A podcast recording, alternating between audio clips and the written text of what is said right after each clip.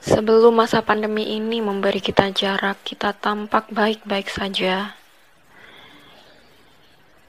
Setiap hari kita begitu semangat memulai hari di titik nolnya. Setiap tempat dan sudut adalah lirih merdu yang mampu menopang bebanmu. Setiap orang yang kita jumpa adalah berita baik yang senantiasa kita nanti sebagai pengganti rejeki.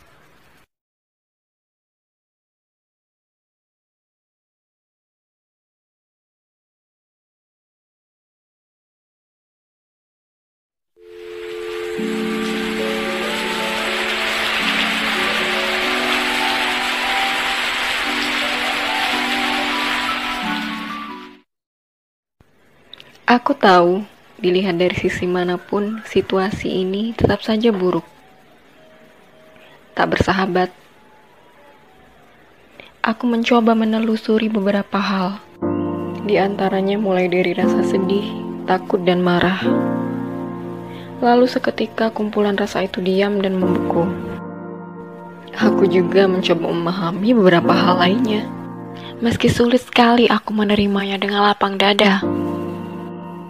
Kadang aku mengeluh saat isi lemari pendingin yang tak lagi penuh.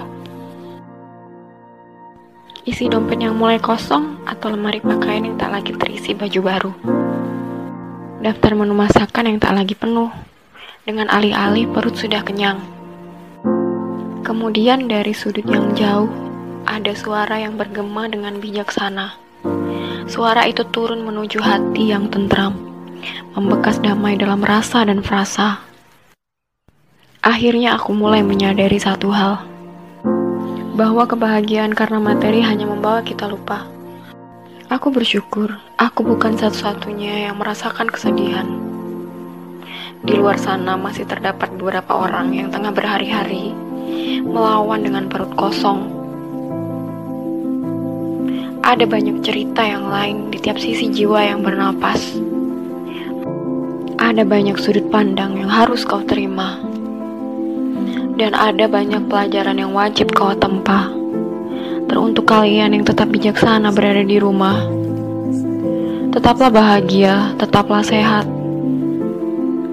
tetaplah menjaga diri demi jiwa yang lain yang masih berjuang. Mereka yang masih dengan tegar dan tersenyum, bekerja sepenuh hati demi jiwa yang lain. Aku selalu bertanya pada diriku sendiri mengapa pandemi ini belum juga berakhir? Mengapa ini harus terjadi? Kapan keadaan kembali normal dan nyaman? Tanpa ada rasa curiga, khawatir, dan jenuh. Seperti sedia kala. Aku pun sama seperti manusia lainnya yang memiliki rasa bosan, jenuh, dan payah. Aku pun ingin sekali keluar dan bertualang, menikmati dunia luar seperti hari lalu. Aku bisa saja pergi dan memesan tiket pesawat untuk bisa pulang menuju rumah bapak.